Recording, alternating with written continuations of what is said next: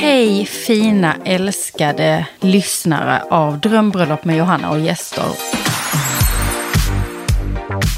Hjärtligt välkomna till den här veckan som är ju lite mitt i ett kaos. Jag kan inte låta bli att benämna den pausen vi hela världen står i just nu kring coronaviruset och mitt hjärta blöder för er som behöver flytta på, ställa in era bröllop.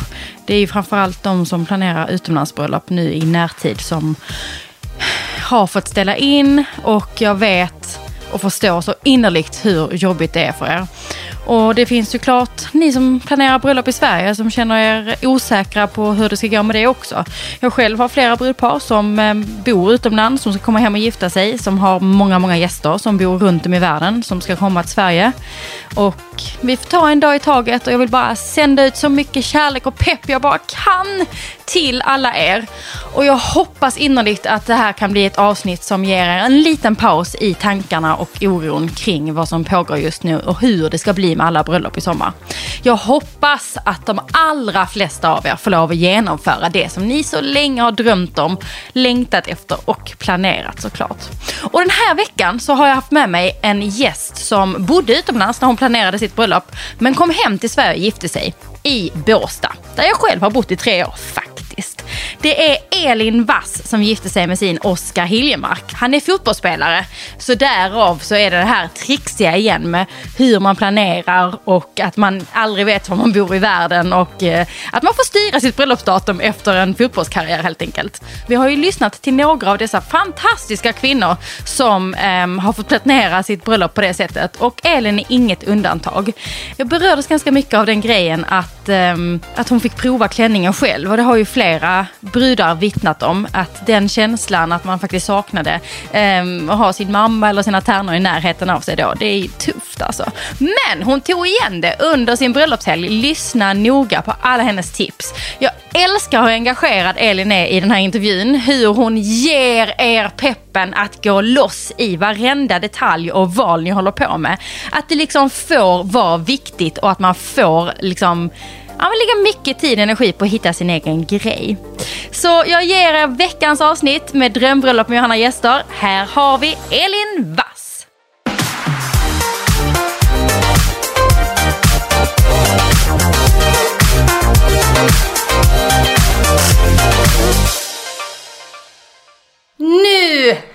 Älskade gäster ska vi prata outfits. Vi ska prata om mycket annat också. Men eh, när jag såg de här bilderna komma upp från detta bröllopet så dog jag. Jag har sett sjukt mycket bröllopsoutfits men här är kvinnan som visste hur man skulle planera sina kläder.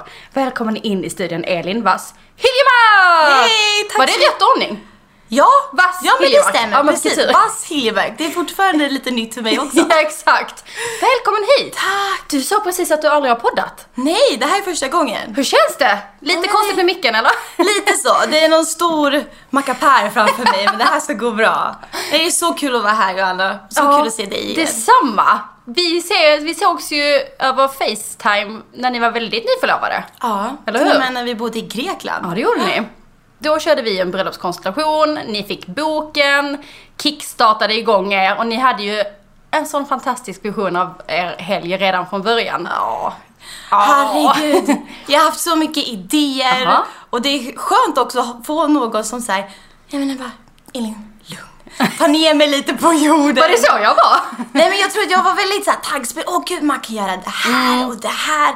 Och det är såhär, absolut, vi måste börja med det viktiga. Just det. Lite såhär, komma på rätt spår, komma på rätt plats. Ja, troligen tvingar jag att göra prioriteringslistan först, och sen gästlistan och sen... Jo men det är i och för sig bra, för att om man är kreativt lagd som du uppenbarligen är, så blir ju allt som en stor moodboard. Man bara sprutar ut idéer. Och jag ser bara dem. möjligheter. Ja, eh, vilket är väldigt härligt. Men när man ska kicka igång och framförallt när man ska göra ett projekt tillsammans, två stycken, som man ju faktiskt gör. Då måste det, man måste vara lite tråkig i början och tänka lite så projektledning, en Exakt. sak i taget och sånt. Ja. Så det pratade vi mycket om. Men ni hade eh, visionen av bröllopet och det jag såg på filmen och bilderna efteråt. Mm. Det tyckte jag stämde väldigt väl av vad du sa i början. Så att ni hade ändå hela bilden klar Kul. från början. Ja, men jag tror det. Vi, har, vi var nog båda väldigt... Eh, Men vi hade nog koll på exakt så här, hur vi ville att helgen skulle förmedla för känslor och lite så här, den röda tråden att komma dit. Att mycket kärlek, en stor fest och att alla nära och kära och även gästerna var så inkluderade eh, som möjligt. Och nu känner jag att jag gjorde hela det här introt helt fel, för jag brukar egentligen presentera gästen, Ja. men jag har varit så taggad på den här inspelningen så jag kastade mig rakt in. Berätta lite, vem är du? Jag, jag har ju fått väldigt många, jag brukar lägga upp på Instagram när jag ska spela in att eh, de får skicka in frågor. Jag har fått in jättemånga frågor och jättemånga som har följt och sett dig. Oj, Ja, kul. har de sett dig då? Eh, ja, Playmakers Ja. kanske. Exakt, där var du med. Där har jag varit med eh, någon säsong. Eh, Och berätta vem Oscar är, för det, det är inte alla som Precis, bryr sig min på man. det, tänker jag. jo, han spelar ju fotboll. Så, och just nu bor vi ju i Ryssland. Ja. Så, jag menar, jag tror, vi har nog varit lite överallt. och det tror jag också är, ja men det är lite speciellt för oss. Vi är alltid ute och flänger, vi reser mycket och ja, jag har väl gjort en del grejer eh, under tiden. Försökt hålla mig sysselsatt och gjort mycket på, med sociala medier och sådär. Försöka hitta min väg. Som inte alltid är så lätt när man rör på sig en del. Nej, ehm, det, jag har sån respekt för att leva med någon som helt plötsligt kommer hem och säger ja, vi flyttar kanske om tre dagar, vi får se. Det är liksom, hur ska, du, hur ska du kunna grunda dig där? Vad ska du jobba med? Vad ska du göra? Vad ska du brinna för? Vad är din vardag? Det, jag har sån respekt för hur svårt det måste vara alltså. Ja men det är inte alltid lätt, men man gör Nej. det bästa av situationen. Ja, jag kan tänka mig också att man hittar sitt liv i det. Oh ja. Men vi andra som inte lever så, det är väldigt, många har nog svårt att sätta sig in Mm. i hur brutalt det faktiskt kan vara. Det ser ju väldigt härligt ut att Ja, när vi Precis. hade vår konsultation satt ni ute i solen där ja, någonstans ja. och drack Ja. kaffe och hade det hur härligt som helst. Ja, det finns ju mycket fördelar. Oh ja. Det är liksom både och. Men nu är du hemma i Sverige i alla fall. Mm. Ja. Vi ses ju faktiskt live. Det är. Precis, jag sitter här i studion Ja. i Stockholm. I Stockholm. Känns så bra. Och du lyckades ta dig hit med tunnelbanan. Ja. ja. Det är ju det. Ingen av oss är från Stockholm så det där med att ta sig liksom runt här, det är inte helt självklart. Eller hur? Det är inte alltid lika lätt, men... Nej. Men då tycker jag vi hoppar tillbaka till bröllopet. Mm. Ehm, många är ju nyfikna på frieriet, så kan vi bara få höra Ja. lite kort om det. Ja, eh, jag och Oskar hade då planerat en resa till Trysil med våra två familjer. Eh, vi skulle alla åka skidor eh, över jul. Eh, så, ja, när vi väl kom dit och så tror jag eh, Oskar kom nog den 23 sent på kvällen för han kom från Italien direkt. Eh, så vaknade vi upp på eh, julafton och myste lite på morgonen, åt lite god frukost och sådär. Och jag kände väl egentligen på mig under hela dagen att det var någonting konstigt med honom. Han åt ingenting. Han var väldigt speciell. Väldigt, eh, man kunde inte riktigt ta på vad, det var, men han var verkligen inte där. Men blev du irriterad? Ja. Ja, väldigt Jag många. var liksom såhär, bara, nu har vi de här dagarna, du får vara lite mer delaktig. Ja. Får liksom såhär, kom igen. Du får, får ge lite nu. Ja. Nej men i alla fall där på kvällen så hade vi bokat en jättefin liten middag allihopa. Och eh, precis innan vi ska liksom slå oss ner och börja ta lite mat så ställer han sig upp och håller ett litet tal. Och här är det inte konstigt för känner man Oscar och hans familj så är de väldigt vältaliga och de tar alltid så här tillfället i akt och kanske säger några fina ord. Så han börjar där och prata om att det är så kul att vi alla hade samlats och att två familjer sitter här och det är även min syster är tillsammans med Oscars bästa killkompis. Nej, så så han var ju också på plats. Så det var liksom såhär, ja det är fantastiskt att alla är här. Och från det här talet så börjar han ju då rikta in sig och titta på mig. Han liksom vänder sig och bara, ja, säger lite fina ord om mig. Och då sitter jag här och bara, ja jättefint och nu, tack älskling, Ja. nu blir det lite jobbigt här, nu kan vi sätta oss ner och äta Nu är du lite. närvarande, det går bra, det räcker nu. Jag älskar dig också. Och helt plötsligt bara står han där på ett knä. Och den här lilla asken med ringen. Och jag blir så chockad. Det, jag, det är så svårt att överraska mig. För jag har, det känns som att jag alltid har lite så här, jag kan känna i luften liksom, nu är det något. Men jag blev så tagen på sängen. Men det var så fint och jag bara, tårarna kom och jag kommer inte ens ihåg om man fick fram ett ja. och jag tror att han också var lite så här småchockad. Bara, eh, vill du Ja. eller är det här, blir det fel nu? Eh, Gjorde jag det fel? Vadå Ja. Peter gjorde det här? Skulle vi varit själva? nej men det var så fint och det, Mm. det speglar verkligen han som person. Han gjorde det verkligen så personligt för Mm. han står så nära hans familj. Så alla liksom var med och fick en liten del för han, han ser det verkligen inte som att det är bara är någonting mellan han och mig. Nej. För ett frieri och som, som då leder till ett giftermål, det är ju verkligen att två familjer Mm. nästan slår ihop till ett. Och därför var det också så viktigt för honom att, ja, nu vill jag att alla ska vara på plats. Alltså så mycket rysningar, det är så Ja, fint. Men nej. hade han berättat för någon annan eller blev alla chockade? Var det ingen som visste av de som var där? Ingen visste. Ingen visste. Och jag vet att han i bilen på väg till Trysil försökte få tag i min pappa. För att liksom så här, kolla läget. Är det okej inte att jag gör det här? Hur det blev med det, men han svarade inte riktigt där, min pappa på telefon. Nej. Nej, men nej, han gjorde den hela resan själv. Och det är Mm. häftigt.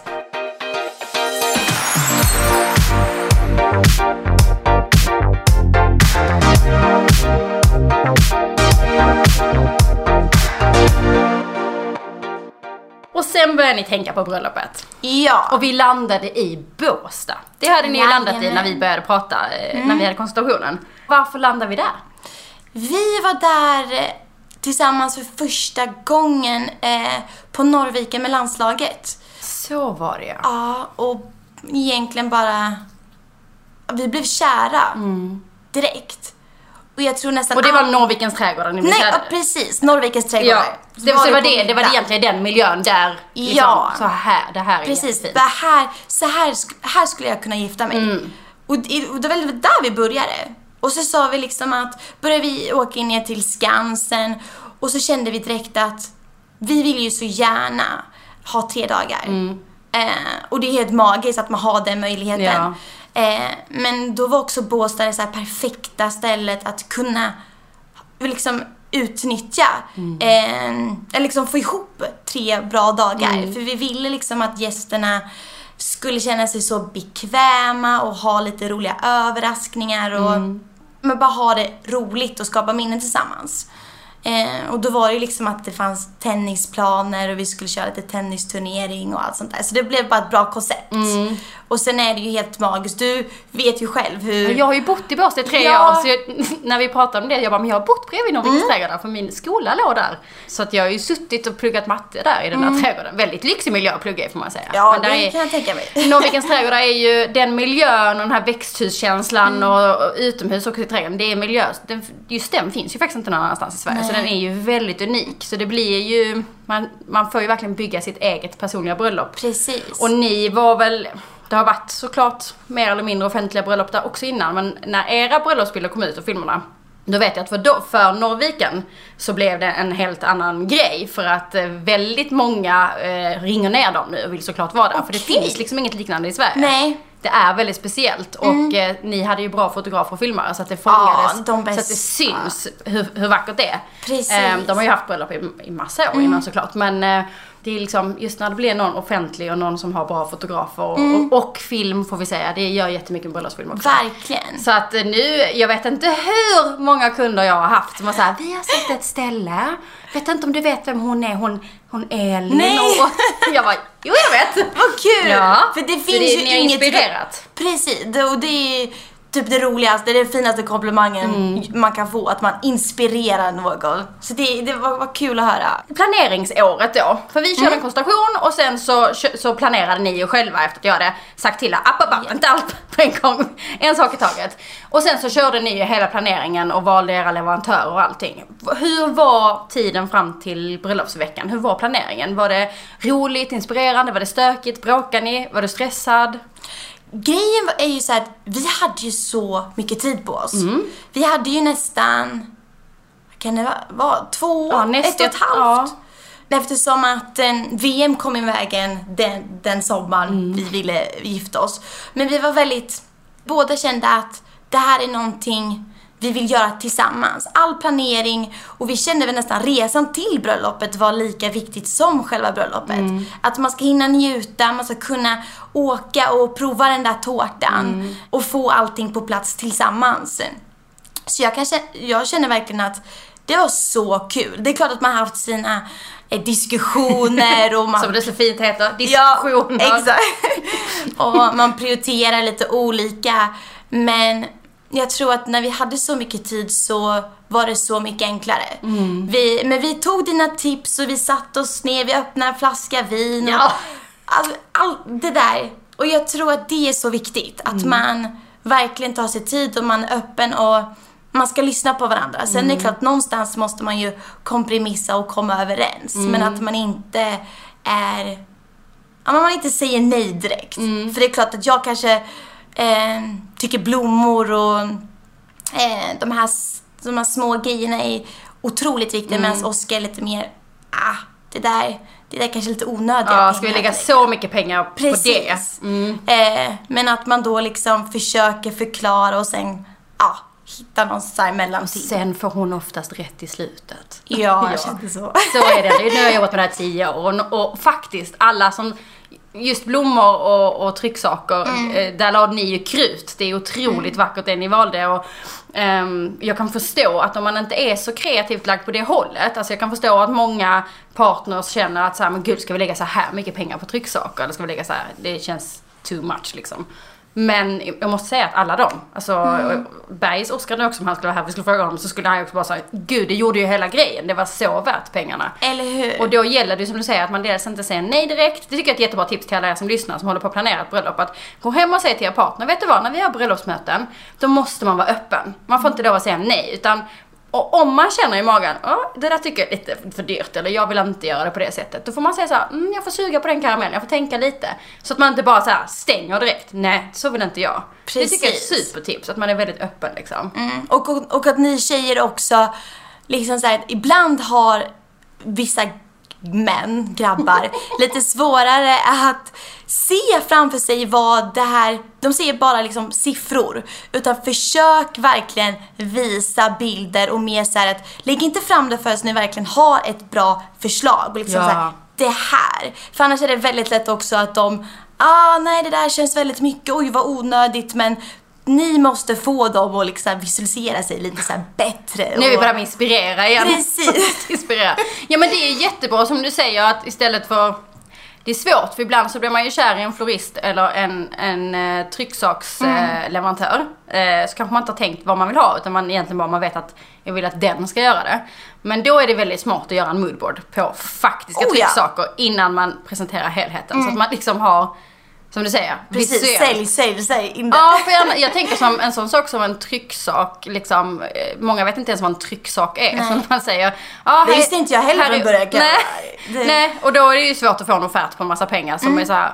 Och, men om man bara skulle säga inbjudningar eller menykort, om man då inte visar att ja, men det här är handgjorda menykort som hon har rivit på kanten och sen har hon Ja. eh, liksom rivit det här chiffongbandet och hon har satt fast det ett och ett på varje liksom, gäst och tryckt ett namn på. Om inte, då ser ju de bara ett vitt blad framför sig som ser ut som det man hade på studentbalen. Typ. Precis. Så de förstår ju inte skillnaden om man Nej, inte nej. visar. Och det är ju faktiskt många, både släktingar som, som vet du, faktiskt sparar det där. Ja, Tar med sig det hem. Så det är ju, alltså det är alltid en kul grej att ha med sig. Mm. Att spara en liten sån ask. Där man har lite minnen från bröllop. Ja men jag tycker det är jättebra tips. Att verkligen visa upp smart, Mm. samla på. Om man vet att det kan vara lite motigt, samla på Precis. lite underlag innan du Ja, presenterar det. Ge inte upp. Ge inte upp, nej.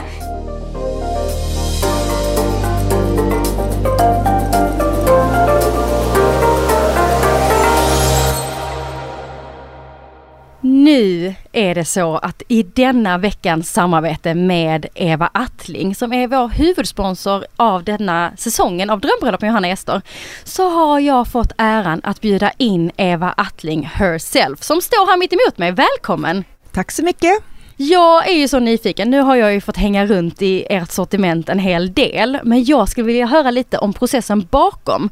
Eh, det är ju inte bara vigselringarna i wedding-sortimentet utan det är ju alla smyckena. Hur går din designprocess till? Ja, det var ju så att när jag var 17 år så skulle jag bli silver och guldsmed. Men så blev jag upptäckt som modell och eh, sen gick livet. Och jag har gjort jättemycket saker. Jag har varit modell, jag har varit sångerska, mm, låtskrivare och så. Och jag tror att när jag hamnade tillbaka efter 27 år och började göra smycken igen så hade jag också det här med att jag ville ha jag ville beröra människor och gjorde då texter som korta texter Mm. som jag har lagt in i en del smycken. Mm. Och då blev det ju då Amor Vincit Omnia som jag började med, med Kärleken övervinner allt. Jag ville att det skulle betyda någonting med, Mm. med varje, så varje, varje smycke jag gör har någon mening. Eh, så där, det, det utgår, utgick jag ifrån Mm. från början. Och när det blev two of, two some och two of us och sådär som min gamla låt hette Två av oss. Mm. Eh, så finns det någonting som säger att vi, ska be, vi, hör, vi hör ihop. Mm. Så, det, det, så började det. Och sen så har jag bara, jag, alltså jag tror inte att jag hade kunnat göra det jag gör idag om inte jag hade levt mitt långa liv och kom, innan jag kom tillbaka till guld och silver. eh, Du tänker att det var en del i det? Att det blev det där avbrottet? jag hade att- aldrig kunnat skapa det jag gör idag om jag var 17. Förstår du? Om jag hade Ja. fortsatt efter jag var 17. Eh, så att eh, jag, jag, när det kommer till juveler så, så kan inte jag göra själv utan det gör mina guldsmeder. Utan Mm. där ritar jag. Mm. Jag ritar, ehm, det är jag, bara jag som är designer på firman. Mm. Och eh, för att jag är oerhört produktiv. Men, men sen, alltså jag har ju gjort vigselringar till till och med till skilsmässoringar som eh, Nej. Divorced with Children som är två silverringar som hålls ihop av ett guld, en liten guldring. Gud, att det är ju så, fint. eh, det händer ju att man eh, satsar på fel groda ibland Ja. också. Absolut. Och, ehm, eller fel prins. Först Eller grodan. Ja, vi Ja, behöver ja, inte lägga någon värdering i det jag. Nej. Nej men precis. Nej, men, men eh, så att eh, jag, jag tror ändå när jag, alltså, jag, jag reser och jag får inspiration från hela världen och, och, och lyssnar på vad människor tycker om. Mm. Och, och sen så vill ju jag skapa en fin form. Mm. Och sen så tänker jag att nu den här formen, åh då kan det passa en, en eh, säg att jag kommer på en förlovningsring och sen så gör jag en vigselring som passar bredvid. Och, Mm. och sen så kan, oh, men då kunde jag kombinera det med en, med en annan förlovningsring. Mm. Eller, så att i, i mitt sortiment nu som har blivit ganska stort när det gäller vigsel Väldigt stort. så kan jag verkligen kombinera massa olika Mm. kombinationer. För det, och då kan du få din personliga stil. Ja. Det, det är inte jag som bestämmer vad du ska på dig utan ja, så, så tänker jag. Och eh, en, en av mina tidiga ringar heter From Here to Eternity. Mm. Och det är också otroligt starkt med kärlek Mm. och, och att man är ett tvåsamhet. Verkligen. Och jag måste säga nu när jag har kollat på, på just wedding-sortimentet och, och förlovnings och vigselringarna som du säger, det, det har ju blivit ett stort sortiment nu, verkligen. Och jag blir så förtjust. Och det handlar ju också lite, eftersom jag redan är gift så spanade jag ju med på de här alliansringarna. Mm. De med svarta diamanter var ju helt otroliga tyckte Mm. jag såklart. Mm. Och sen är det ju många som, som är, som jag har på mig en ring idag, som är en knut. Mm. En kärleksknut. En kärleksknut och Mm. det står så fint budskapet är på, på hemsidan också. Och då gillade jag att det fanns så mycket av sånt också. Och Jag Mm. tycker ju om att man faktiskt kan önska sig både ett års och fem års och tio års Mm. eh, pre- present. Vi Mm. ska ju faktiskt gifta om oss när det har gått tio år och då Mm. får man väl lov att kika i ditt sortiment på några nya ringar tänker jag. Det är väl jättebra. Jag har ju några kollegor som har bytt vigselringar Mm. efter tio år. Att åh, det där köpte vi då men nu har jag förändrat min smak och, Mm. och så. Så köper man en ny och så, gör man, så firar man det igen då. Exakt. Men just att man kan faktiskt byta ut sin vigselring. Jag tänker det också, vet du, jag tänkte att jag inte tyckte det förr, Mm. precis när jag gifte mig. Mm. Det här, jag måste, man måste ju bära den här för alltid. Mm. Men tänk att förstärka efter tio år. Nu står Mm. vi här, vi är fortfarande gifta. Mm. Vem är vi nu? Mm. Vad vill vi lova varandra för löften nu? Vad Mm. vill vi ha för ringar nu och framåt? Det tycker jag absolut är mäktigt liksom. Ja, men man kan ju också förändra sin vikt, blivit för smal eller för, för tung eller så. Och, och, och behöver byta Mm. ringar. Och, men jag tror att det där är så här, men det här ska... Jag tror att en, en del män är mer konservativa. I, men som jag hade ett par som sa, ska du ha, ska du ha rött guld? Jag har ju, vi hade ju sagt att vi skulle ha vitt guld. Mm. Eller någon som säger, nej men du kan väl inte byta ut din vigselring? Och Jo, det kan Ja, du. det kan man. Allt, alltså livet är ju föränderligt är och så ska smycke, smyckena vara i din smyckeslåda. Ja, mycket bra. Och då vill jag tipsa alla er som lyssnar om att man kan såklart spana in på evaattling.se, klicka på wedding-sortimentet där och där kan man se alla ringar och som du säger oändliga kombinationer. Ringar som sitter bra ihop. Man kan ju också ha tre ringar. Jag hade ett brudpar där hon ville ha tre ringar från början. Klart man kan det. Eller så går man in i era konceptbutiker och där kan man boka en bröllopsrådgivning där man faktiskt får sitta ner med någon av dina superexperter och få hjälp att prova ut ringarna. Och eh, som jag tycker är så coolt att när man provar ut dem Sen så skapas ringen i Sverige till dig. Den finns inte sådär färdigt upptryckt utan sen, sen skapar din ateljé det här i Sverige och du får en helt unik handgjord ring liksom. Mm. Och då kan du skapa din personliga stil Mm. också när du ser det stora sortimentet. Men också att min personal, de är så duktiga och det är alltid så roligt, säger jag. Det är alltid så roligt att fira kärleken och kanske få lugna ner det, det blivande Mm. brudparet för att det är ju en ganska stor grej att, att göra. Mm. Eh, att gifta sig och, och många är ju lite stressade och så. så att, eh, Har du också sett det? Ja, det Ja, och så. såklart det är ett stort beslut vilka ringar man ska ha. Det är klart det är det. Det är ett stort beslut, det är en, en, en relativt stor del av, av budgeten också oftast. Och det är klart att man, då tycker jag man ska faktiskt komma in och sätta sig ner i en sån här konstellation och ta den här tiden att sitta ner och prova och mysa länge och se det som en dejt liksom. Mm, absolut. Tack Jättebra. snälla för att du var med och att vi fick höra lite mer. Tack så mycket.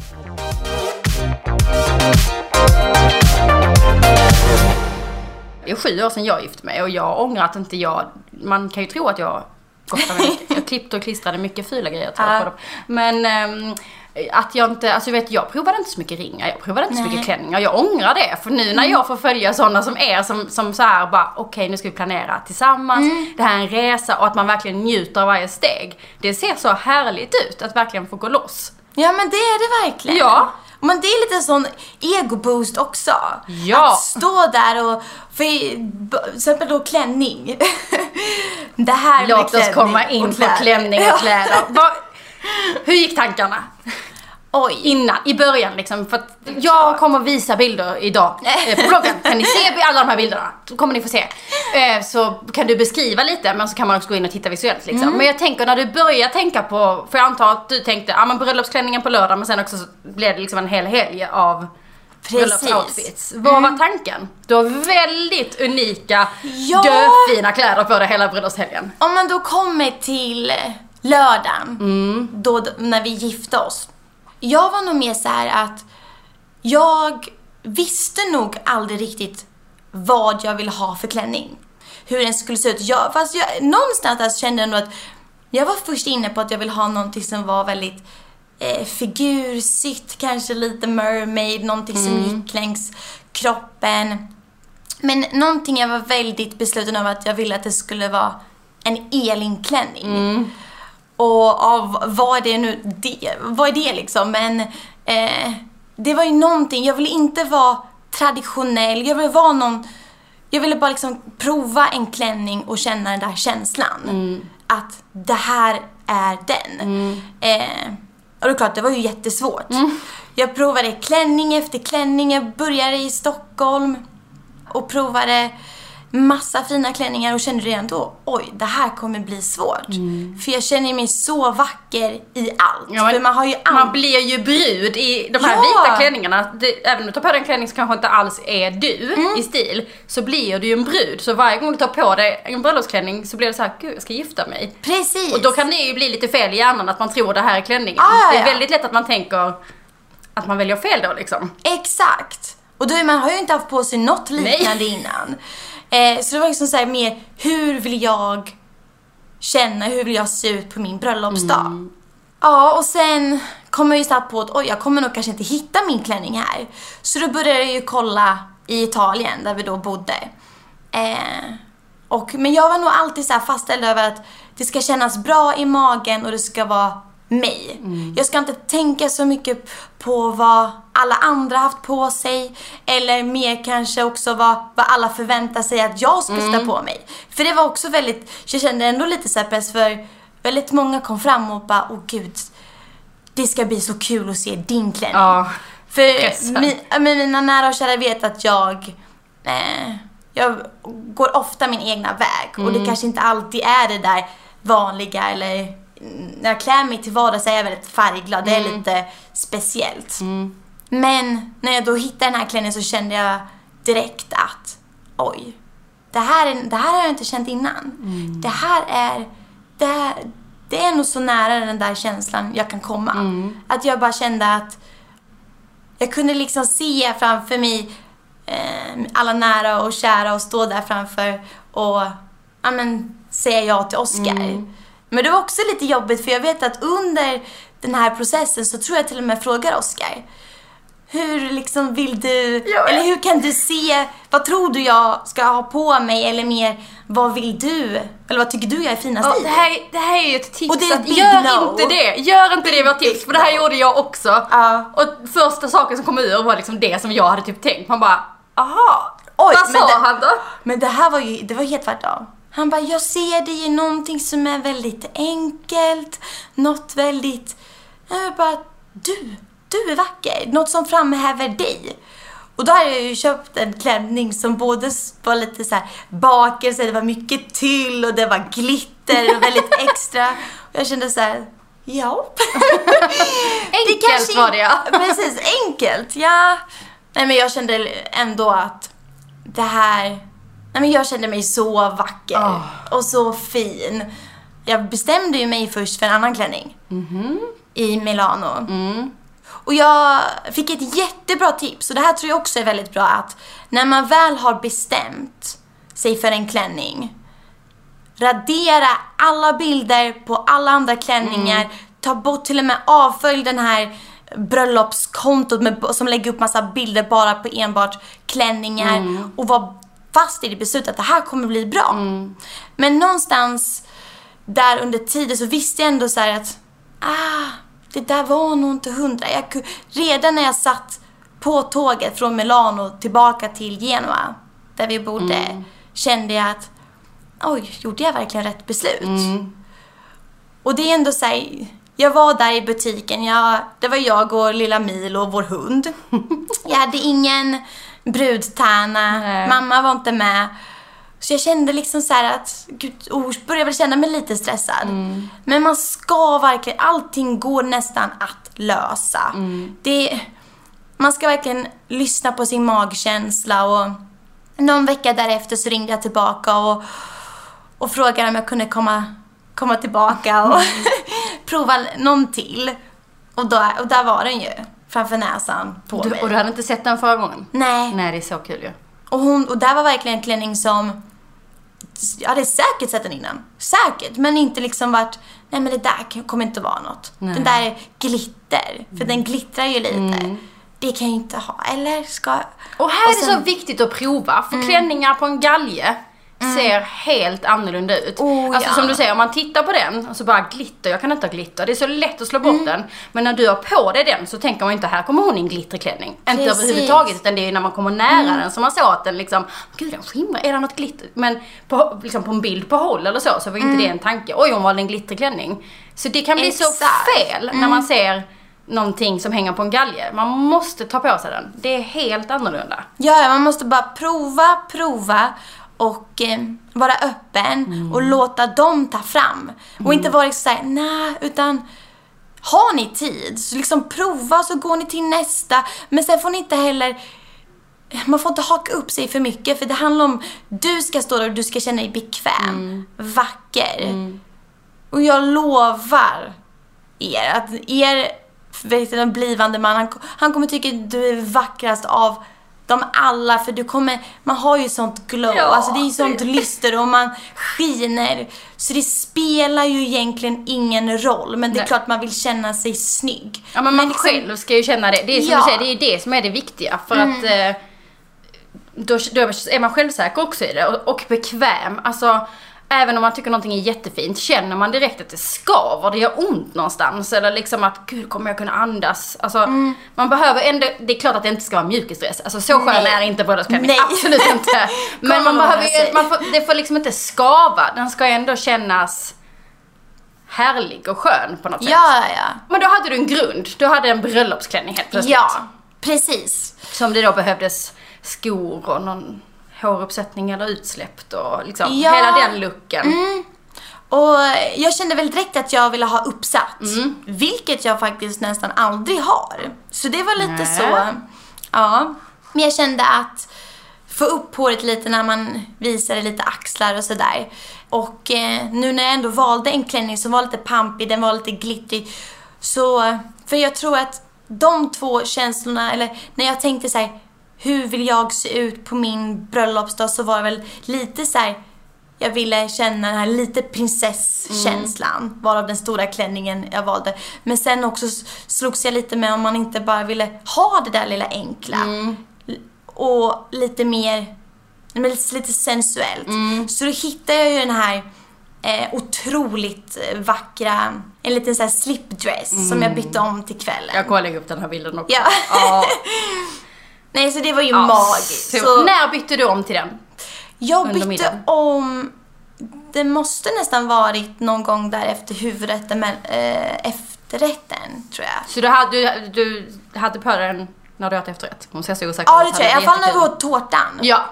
Så inför valsen kommer jag ihåg. Mm. Och även då vi skulle ta lite kort då när solnedgången mm. eh, skulle komma. Ja, precis. Så någon gång där. Okej. Okay. Och sen eh, till din bröllopsklänning så har du ju rosa skor med någon stjärna på. Ja! Vad är detta för fina skor? De, de men de går nog nästan i lite rosa beige, ja, eller beige ja. tror jag. Ja, ja. Vad heter du dem? Hur kommer du, alltså för de är ju också, det är det jag menar att du, alla val är ju väldigt unika som du ja. säger. Det är ju inte så här, ah, ja men då gick jag och köpte några beigea skor, klart, pumps, färdigt. Utan Nej men det här är ju så typiskt Elin-skor som inte går. De ser ju så obekväma ut, vilket Aha. de... Är? det, det, är klart, de, det var inte de bekvämaste skorna, men inga blåsor och de klarade hela kvällen. Så jag vet inte, men ja, jag, hittade, jag gick in på Jimmy Choo mm. och hittade och såg de här skorna direkt. Och de glittrade och jag kände ju bara direkt att oj, de. Mm. Det, här, det här är mina bröllopsskor. Och nej, men också där, jag är ju inte så traditionell av mig. Jag gillar ju det där när det blir lite så här, ja men det skriker liksom mig. Ja. Blir personligt. Verkligen. Och det tror jag också är viktigt att man kör, kör er grej. Vill mm. ni ha blåa skor eller vill ni ha någonting som går lite åt ett annat håll, gör det. Ja, och det är samma sak, jättemånga hör ju av sig så här, jag, jag har aldrig klackar, jag får jätteont av klackar, mm. jag är liksom ingen klackperson, jag är en sneakersperson. Ja, men ha inte klackar då. Alltså, Nej, om, du, om, du, om du verkligen känner så här, gud jag får panik bara av tanken på att på klackar, då ska man inte ha det. Kör skitcoola sneakers, kolla om du oh, kan få ja. ingraverat eh, ditt nya efternamn eller liksom Exakt. gör din grej, våga Precis göra det. Precis som ballerineskor ja. också. Man ska göra sin grej. Mm. För ett bröllop, det är ju, det är ju personligt. Mm, och det är ju det som gör det så vackert.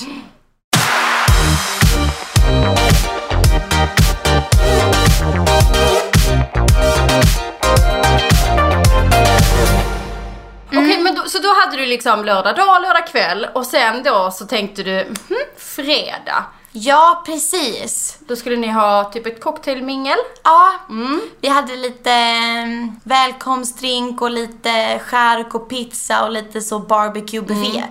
Mm. Eh, så jag, jag hade väl bestämt mig att det hade varit kul att köra vitt hela helgen. Mm. Och eh, så tänkte jag, det hade väl men, en liten byxdress. Mm. Så då började jag googla runt. Mm. Och ja, kom in på, ja, jag vet inte, jag var nog inne på tusen olika sidor. Men så hittade jag någon liten byxdress från Australien. Med lite så här fluffigt upp till och... Eh, men jag kände bara direkt att oj, det här, det här kunde jag till och med gift mig i. Ja. Det var verkligen så här liten bröllopskänsla. Ja. Men det är eh, alltså en byxdress? Det är, en det är inte tvådelat, det är en byxdress? Nej. Mm. Nej, det... Den är så snygg så man orkar inte. Ja, tack. Alltså, för det, det ser ju ut som tunn tyll upp Exakt. till som typ är knut. Mm. Ja men liksom, och sen så är ju byxan väldigt skräddad ser det ut som i ja. tyget. Det är ju det, den kontrasten som är så häftig. Och det här är så kul för att jag eh, hittade ju den här i god tid. Jag tror det var tre eller tre och en halv månad till bröllopet. Och skulle då beställa den här byxdressen från Australien till Italien. Och jag kan ju säga så här, att få paket till Italien, det är inte det lättaste. Och det här paketet, det kom ju aldrig fram. Så jag väntade ungefär i två månader och sen fick jag ett mail från eh, butiken att de hade fått tillbaka paketet. Och jag bara kände så här, oj då. Hur gör jag nu? Men till slut så löste vi på något sätt att de skickade det till Sverige. Så... Och då hade du inte provat den Nej. än. Hade du någon backup-plan? Ja, men jag känner, jag hade nog, ja, inte direkt, men en klänning, sätta på mig bara någon fin klänning. Det, det har man ju alltid i garderoben kände jag. Så viktigt var det inte. Mer än att antingen så är det den här byxdressen eller så tar jag någonting fint jag har i garderoben. Men ja, Sen den kom den. passade och den, ja, Satt som en smäck. det gjorde det som tur var. Ja. Okej, och på söndagen hade ni... På söndagen så hade vi en liten brunch. Ja. Och då um, körde jag en liten, då ville jag bara ha någonting som var lite avslappnat, lite mer kanske bekvämt. Så då har jag hittat någon söt liten spetsklänning från Mm. eh, Love and Lemons. Ehm, med ett par sandaler. Första dagen som fru. Ja. En första dagen som fru outfit. Gud vad mysigt. Okej, okej det här var ju det som jag liksom cravade. Nu ska vi ta oss lite igenom eh, bröllopshelgskonceptet och sen ska vi köra lite frågor för jag fick in miljoner frågor så jag måste ta lite av dem Kul! också. Ja. Men ehm, på fredagen då, då var vi i Båstad ehm, och då hade ni lite härlig mingel, barbecue, cocktail, häng. Precis. Var alla bjudna på detta? Ja. Ni bjöd allihopa? Alla var bjudna. Och grejen var att jag och Oskar kom faktiskt eh, på onsdagen. Så vi fick hela onsdagen för oss själva och åkte runt och träffade alla som skulle hjälpa oss med bröllopet. Sen på torsdagen så kom eh, faktiskt han och min familj. Så vi tjejer under torsdagen körde lite spadag och satt och myste lite på Skansen. Eh, Medan killarna hade en golftävling. Perfekt. Ja, det trodde jag ju också. Men Oskar lyckas ju förlora eh, hela tävlingen så han var ju mindre glad. Oj då. Så han fick, ja, ryckas upp lite. Då var det där igen. Nu älskling. Precis. Och du var lite närvarande. Det var inte det här helgen handlar om. Men det är alltid så tävlingsmänniskor. det är det. Ja. Eh, nej, och så hade vi lite eh, middag där på kvällen. Men ja, som sagt så kom, så kom alla gäster på fredagen. Och då började vi med lite sang, sangria och eh, lite mingel. Sen kom väl lite så här, vet, eh, pizza och lite chark och det här lilla barbecuen och så hade vi lite livemusik och dans på kvällen. Så väldigt avslappnat. Men ni och, körde liksom dans på fredagen också? Ja, Okej, för här är väldigt många rädda att, att, att gästerna ska liksom festa på och vara så bakfulla så de typ inte dyker upp på bröllopet. ja. Ja. det är en standard med mina brudpar, att man är lite såhär, hur styr man det? Men ni, var ni inte nervösa för det eller försökte ni styra av det i god tid? Eller Ja, tänkte vi- ni, folk får festa på, skit i det. Nej men vi styrde nog av det någon gång runt 12 tror jag. Och så hade vi liksom bestämt att det är bara vin och öl som kommer serveras. Och sen åkte ju både jag och mina brudtärnor och Oskar därifrån kanske runt strax efter 11. Och eh, men det var mer, det blev ju lite dans och sådär men det var ju inte fest, fest. röj liksom. Nej, utan inte det på var det här, sättet. härligt. Ja, Liksom. och det, jag tror också att det var viktigt för många att släppa lite på liksom stämningen Mm. och inte känna sig riktigt sådär... Ja men det är lite så, det, vi har ju så mycket olika kompisar som aldrig träffat varandra. Mm. Som är utspridda runt om i världen. Så det var också väldigt viktigt att folk kände sig avslappna och kunde liksom så dansa lite och lära känna varandra Mm. innan lördag. Så det är också liksom bara flöt på Ja. och det, det funkade faktiskt väldigt bra. Sen vet ju inte vi riktigt vad som hände där på Nej, kvällen okej, eftersom nej. att vi stack hem. Nej, men alla kom på lördagen. Alla var där på lördag. Då så, inga problem. Det ska man också, ibland när man planerar så så är man så nervös, men hur ska de åka på lördag? Ja men gästerna behöver inte vara klara förrän typ klockan två eller tre på, till vigseln. Det är ju skillnad att vara brud och brudfölje och så här för då ska man kanske äta frukost sju och det är klart att då blir man ju nojig, ingen får bli full och vi kan liksom inte gå och lägga oss så sent som helst och så. Nej. Men gästerna, de kan ju typ sova till tolv på dagen egentligen. Så man Ja. behöver inte vara så nervös som många oftast är för att ha lite festligt på fredagen. Det brukar Ja. faktiskt gå ganska bra. Och sen är det väl också så, om man nu vet då att man har kompisar som är Festglada. Ja, så kanske man ska tänka in till lite extra. Men vi var ju väldigt så här, vi vet ju också att våra kompisar är lite mer, inte städare men, ja, De, det var liksom De inget hade att koll på att oroa sig. bröllop. Precis. Mm. Ja. Och sen inte starksprit är ju också ett jättebra tips. Men, men också hur man bygger stämning. För även om man har fri bar eller om man har satt fram öl och vin hemma, i, om man har trädgårdsmingel hemma eller hur man gör. Så kan man ju ändå bestämma tempot ganska enkelt genom hur man själv agerar. Den här, alltså, Exakt. Mm. antingen så står man ju bara skål, skål! Eller så sippar man på vin. Det hjälper också till att, att liksom, hålla lagom tempo Oh, på den där ja. festligheten. Ja men det var också någonting jag inte hade tänkt på innan för jag såg verkligen hur folk liksom så här kikade lite på oss. Okej, Mm. hur liksom agerar de? Vad ska vi liksom agera ut efter? Vad, Det var vad, också... vad, vad önskar de för stämning typ? Precis. Så det, ja, det är Det är ju det som är bra. fint med bröllopsgäster, de hjälper till alltså. Ja, ja, det är ja. fint det. Okej, och sen på bröllopsdagen så vaknar ni Ja, och eh, och då är det väl kanske lite makeup-team och lite sånt kan jag tänka mig. Precis. Då kom ju några tjejer och skulle börja sminka oss. Och eh, under tiden vi blev lite uppfixade så um, hade vi planerat lite yoga för alla tjejer. Mm. Så innan frukost så hade tjejerna lite tid för yoga, då gästerna. Eh, Medan killarna började värma upp för lite tennisturnering. Vem höll i detta då? För ni var ju inte där. Är det Nej. toastmasters då som Toastmaster. höll i hela tävlingsgrejen också? Ja, och det var ju Oskars pappa Niklas. Oj. Nej, alltså vi Wow. hade aldrig klarat ut honom. Han har varit sån stjärna. Gud vad kul. Ja, Och så han- personligt, just att ni, det vet jag att ni sa också, att ni är väldigt familjära. Mm. Så personligt att välja. Det här är någonting som också jag får frågor om ofta. Kan man välja en tärna som eh, toastmaster? Kan man välja en pappa? Kan man välja, liksom, eller har de så mycket annat? Och det är klart man kan göra det, det funkar hur bra som helst. Alltså om personen i fråga går igång på uppdraget och tycker det känns Exakt. kul och hedersfullt och är en person som alltså verkligen bara säger ja, Mm. jag vill hålla i det liksom. Så det är klart man kan ha en pappa, det är ju fantastiskt. Ja, ja, ja. Och han var liksom också, han älskar planering. Och han är så duktig på det också. För först kände jag också, precis som du säger, att oj, jag vill verk- man vill inte lägga mer på någons axlar. För det är Nej. ju det är ett väldigt stort uppdrag. Och eh, man vill ju verkligen att alla runt omkring en och, och särskilt ens nära och kära ska uppskatta helgen lika mycket och känna liksom att visst om man kanske ska hålla något tal att man är lite nervös över det men Ja. egentligen inte tänka på så mycket annat utan Nej. också bara få det här att bara hänga på. Men där och då, vi visste ju liksom att oj, Niklas kommer ju gå igång. Han kommer ha så mycket idéer Ja. och han kommer tycka det är kul och det här är faktiskt någonting som han klarar av och också tycker är kul.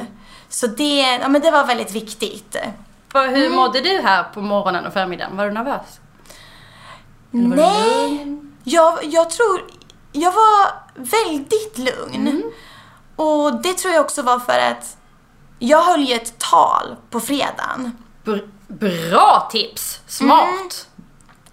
Och jag är ju verkligen inte den... Jag har så svårt för ord. Jag har så svårt att prata inför folk. Jag tycker det är otroligt jobbigt. Eller det är någonting som inte är lätt för mig i alla fall. Så då hade jag...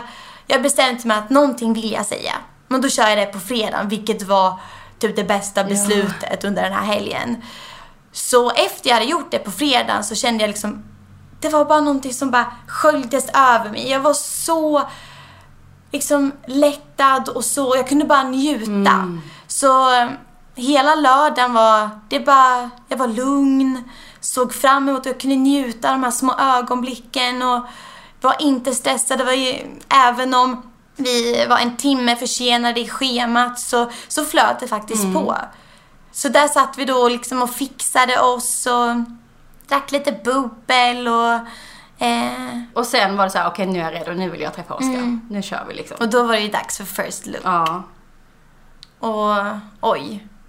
Det var, jag fick ju, när man då ser den där ryggen och ska börja gå mot honom. Nej, den känslan den är ju så, oh, den är, den är ju, ah, jag vet inte, det är ju så svårt att förklara. Man är så, både nervös, jag vet inte vad man är nervös inför. Men det är jättekul, man lever med en människa, man ska gifta sig med en människa. Men helt plötsligt så är Som man ser nervös. det varje dag. Ja. Så gå, ja, nej, det... Man var väldigt känsloladdat. Mm. Och sen när han vände sig om där och... ja, var så stilig. Oj. Och jag, kommer ihåg att jag bara kände så här: wow, ska jag få gifta mig med honom? Det var, det var så fint och det är det där lilla ögonblicket man får tillsammans innan man går in till kyrkan. Det är så fint och så... Nej men det är... Det gör så mycket. Det är ju ert. Det är Ja. därför jag försöker pusha för att man faktiskt ska ses innan. Eh, I de allra flesta fall. För många har ju visionen av att man ska ses första gången till vigseln. Just för att annars blir det inte en wow-grej. Jag vill att han Mm. Det ska vända sig om och se mig. Men det blir det. Och skillnaden är att det dessutom blir bara ert. Mm. Fine, där kanske är en fotograf och filmar och så.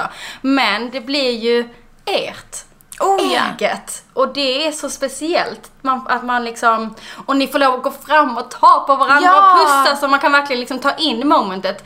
Om man ses första gången till vigseln, då är det så mycket med vigseln Mm. som man ska ta in. Och när man går in i kyrkan eller till vigseln så är det ju alla människorna där också. Du vill se dem i ögonen. Och Ja, ja, inte ja. hur ofta jag ser liksom brudpar som du vet ska nicka och le. Ja. Man på något sätt vill tänka jag ska titta i alla hundra ögon liksom. Och det går ju inte heller. Så att det, blir, det är så otroligt mycket intryck under Mm. vigseln. Så att, att få ha det där innan, och det hör man ju på din röst när du berättar också hur speciellt Mm. och magiskt det var. Så det rekommenderar jag verkligen Det att man är gör. guld. Verkligen. Det är liksom ens alldeles egna ögonblick. Mm. Som en minidejt alldeles precis innan. Ja men det är verkligen första dejt. verkligen. det kändes verkligen som det. Så mysigt. Okej, och sen var det vigsel. Mm. Och det var i kyrkan. Ja, Mm. precis. Eh, och eh, det var ju, Oskar gick ju in först och sen kom ju brudtärnorna och sen kom jag och eh, min pappa. Eh, så det var jätte, jätte vackert och det är nog det starkaste ögonblicket också under hela helgen. Att stå där och verkligen känna att oj, ja, men det är ju det här helgen går, liksom går ut på. Det är ju nu vi säger ja till varandra. Eh, men stackars, stackars Oskar, när vi väl står där framme på, vid altaret och ska säga ja, jag har ju i någon månads tid hållit på med en liten överraskning. eh, vet du, eftersom att som tjej då så, han friade ju med en ring och så får, fick jag ju en till ring nu då. När vi säger ja. Så kände jag, ska jag ha två ringar, ska han ha två? Eh, så när vi väl sagt våra löften och eh, eh, ja, han har trätt på ringen så där någonstans är det okej att man kysser varandra. Så precis när han lutar sig fram och ska kyssa mig, jag är liksom såhär, vickar med fingret såhär, nej, nej, nej, nej. och han får ju panik. Jag ser liksom nästan hur han blir vit i ansiktet och han står med händerna runt mitt ansikte och bara, gud är det nu hon springer? Vad är det som eller?" Ja. händer? Så jag bara liksom så här, tar ett steg bakåt, kollar på min tvillingsyster som är min brudtärna, så kommer hon fram med en liten ask. Så tar jag fram den och så tittar jag och säger, ja men jag har en liten sak till dig. så öppnar jag upp asken och sen är det då en ring och så säger jag, jo men ska jag ha två ringar ska du ha, ha två. Så då får han en liten ring och sen kysser vi varandra. Och, ja. Det, är all, det var liksom många överraskningar under den där helgen. Det är det som är så mäktigt. Alltså att varje sån grej blir ju liksom... Och som du säger, pirret också. Det här har du hållit på med då. Ja, ja, och pratat ja. med dina, ja just det, och sen ska vi göra det där. Och liksom, det är så mycket sånt. Och det är det som är så omtänksamt. Ja, men jag känner att det du som vi var inne på förut att som brud står man ju väldigt mycket i fokus. Jag kände verkligen så att han också skulle känna sig lika delaktig och jag vill också göra någonting just för honom. Och sen var ni man och hustru. Och sen var det som Wow. du säger, det ser ut ju som... eh, och det sa ni också tidigt som ett av värdeorden, att ni ville liksom ha fest. Vi vill ha partymiddag och partybröllop Oh ja. liksom. Oh ja. Och det såg det ju verkligen ut som att det var. Ja, jag tycker det blev bra drag. Ja, jag tycker det ser ut som var bra drag där.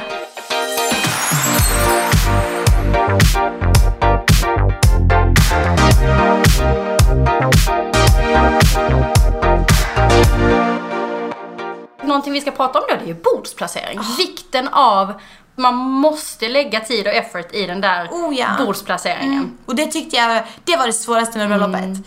Att få ihop en bordsplacering. För där kände jag verkligen att, okej, det är middag. Visst, den är, det är tre timmar av den här helgen men det är den vik- det är de viktigaste tre timmarna. Eller fyra vad det nu blir. Och det, Oftast sex, ska Ja. jag säga. Ja.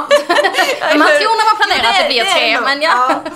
Eh, nej, och det var, det var svårt, men man, vi satt där och eh, vi satt faktiskt med så här penna och papper och började. Eh, Skissa lite och så flyttade vi människor. Men jag tror vi, någonstans där så, först hade vi en tanke om att vi skulle ha en bordsplacering där vi skulle blanda eh, både familj och vänner och släktingar och så vidare. Men sen gjorde vi faktiskt så att vi hade ett bord där vi blandade mina och Oskars föräldrar.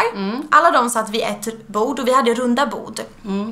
Och så satt jag och Oskar, eh, vad man kallar det på sånt litet sweetheart bord eller någonting. Som du fint Helt beskriver.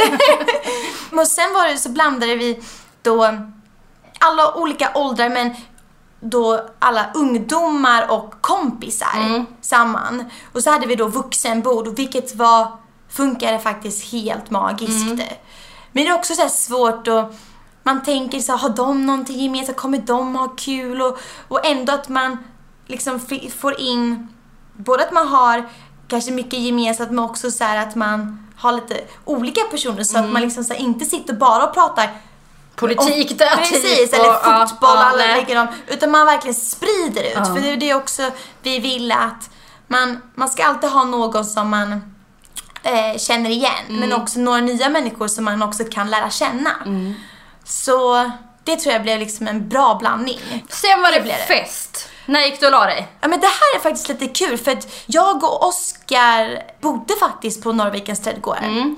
Så det var ju lite speciellt så att vi, jag tror vi festade till klockan tre. Sen hade vi hade någon buss som gick klockan ett och sen vid tre gick eh, rest, resterande Mm. av bussarna. Så då var det liksom vi egentligen som stod kvar och sa hej då till alla andra som då åkte iväg. Mm. Så det tyckte jag också var lite kul att annars är det oftast kanske bröllopsparet som tackar och kanske går och lägger Mm. sig eller går först och låter de andra festa. Men då fick de som vill liksom fortsätta festa på hotellet. Mm. Så då tackade vi så jag tror vi gick och la oss. Vi låg nog uppe länge och pratade lite när vi väl låg i sängen men ja men runt tre fyra tiden. Gud vad mysigt. Och sen fick ni ha brunch dagen efter och Mm. Ja. snacka och kramas och... Det är så kul för då får man ju höra vissa grejer som man kanske inte själv såg. Att någon Precis. berättar någonting som man bara vad det såg inte jag. Gud ja, vem var det som åt de där åtta korvarna Till där? exempel. det är ju så kul, både för brudparet och alla andra. Mm. Och det mäktiga ofta, det på, då brukar liksom man se just att det här har blivit en hel grupp. De Mm. här gästerna som kom, som inte kände varandra i fredags, Ja. är nu en enhet. Ja. Allihopa. Okej, kör vi lite frågor. Ja. Vad var värt att lägga mer tid eller pengar på? Finns det någonting du känner att du skulle kunna lagt ännu mer tanke eller pengar på liksom? Att så här, ja, i efterhand så Oh, önskar jag att jag bra la lite mer fråga. tryck där liksom. Alltså egentligen inte, men om det är någonting man ska lägga pengar på så är det ju liksom en bra fotograf. Ja. Och eh, någon som filmar. Liksom rörligt material. Absolut. Hur får man till en kanonfest med sån stämning som ni fick? Jag tror att det handlar mycket om bra planering. Och hålla en röd tråd och eh, är det så att eh, det är klart att tal och sånt kan vara lite kan dra ner stämningen ett, lite även när det är väldigt mycket känslor och sådär men att man har någonting som tar upp stämningen. Vi hade ju till exempel en, eh, en saxofonist. Sax on the beat, Yes. shout out. Oj oj oj. De är så Gr- bra. Ja. Mm. Nej, de fick ju hela festen att gunga. Så någon sån sak som får liksom upp stämningen när det behövs. För det är klart att det är mycket känslor, det är en lång dag och eh, ja men det är att bara få upp det där lilla extra så att Och det är skitbra för det kan man faktiskt planera som bröllop, som brudpar, man kan bolla med sin toastmaster. Man kan ju planera för sådana små överraskningar. Sen kan man ju inte vara helt involverad kanske exakt när de händer. Men mer att man pratar med toastmastern. Att för oss är det viktigt, alltså förhoppningsvis har man tillit till toastmastern på att de kör sin grej. Men att man själv berättar just det. För oss är det viktigt att vi liksom ändå ökar festlighetsstämningen. Även om vi förstår att det kan komma ett, ett väldigt känslomässigt tal. Det kan vara eh, ett, liksom, ett tal med massa bilder på när vi var små som kan vara både roligt och så. Men det kanske blir för långt. Att man förstår att det, det händer grejer. Men att vi vill att du då efter det, det är helt okej. Men då vill vi att du som toastmaster ser till att öka stämningen. Så att, Exakt. och då kan man ha olika trick liksom. Ja, man kan ha saxofonist men bara musik överhuvudtaget. Att man har valt olika låtar som man drar på efter tal. Eh, Precis. kan öka stämningen. Eller shots, man kan ha alkoholfria shots. Alltså små grejer som Ja, bara ja. ökar stämningen liksom. Ja men små överraskningar som Mm. får folk att vakna till lite, bli lite så här: oj, vad är det som händer nu? Ja. Och, annars är det ju väldigt lätt att man, man sitter och pratar, man blir en liten bubbla runt sina Ja. bord och, så att det liksom så här, ja, bryter av lite. Det är nog ett bra tips. Någon fråga, hade ni något tema? Något så här uttalat tema? Egentligen inget tema utan vi ville väl att det skulle följa liksom en röd tråd genom hela helgen och vara väldigt lite så här sagolikt, lite elegant. Vi hade väl lite så här, om man tänker typ i färgskalor så var det ju lite åt det här ljusrosa pastellfärger. Men annars inget sånt tema. Nej, mer en känsla av det liksom. Exakt. Men lite sagolikt, lite fairy håller jag med om. Att Ja. det ser man också hur blommorna är gjorda. De är nästan lite fluffiga, svävande, liksom levande. Ja men precis, lite sagolikt men ändå elegant och avslappnat. Okej, här är en kul fråga. Om du hade haft en lägre budget, Ja, vad hade du aldrig tagit bort? bra fråga. Jag hade ju... Jag hade nog oavsett försökt satsa på att ha mer än en dag. Och liksom kanske då lagt mindre pengar på eh, faktiskt kanske blommor och sånt där för att få till det där, jag menar känslan att kunna träffas dagen innan eller dagen efter. För det tror jag är så, inte viktigt, men det är man knyter an på ett annat sätt. Och både du som då gifter dig med dina gäster, att liksom hinna prata med dem, men också de med dig. För det är väldigt många som vill liksom önska en lycka till och man kanske inte setts på jättelänge och få den stunden tillsammans. För det är ju mycket under de där dagarna som inte sen i efterhand man kanske inte kommer ihåg på samma sätt. Nej. Men då är det ju verkligen de här minnena tillsammans, att hinna prata och umgås som på något sätt eh, är liksom viktigt som spelar roll. Tid, det är liksom Eh, precis, mycket tid. exakt. Det skulle jag nog säga. Sista frågan, vad var du mest nervös för inför bröllopshelgen? Alltså sjukt nog det här talet Det här på talet. fredagen. Det var så bra att du la det på fredagen. Jag tycker det är ett briljant tips. Ja. Nej men det... Det var liksom det du ältade och hade oh, Ja.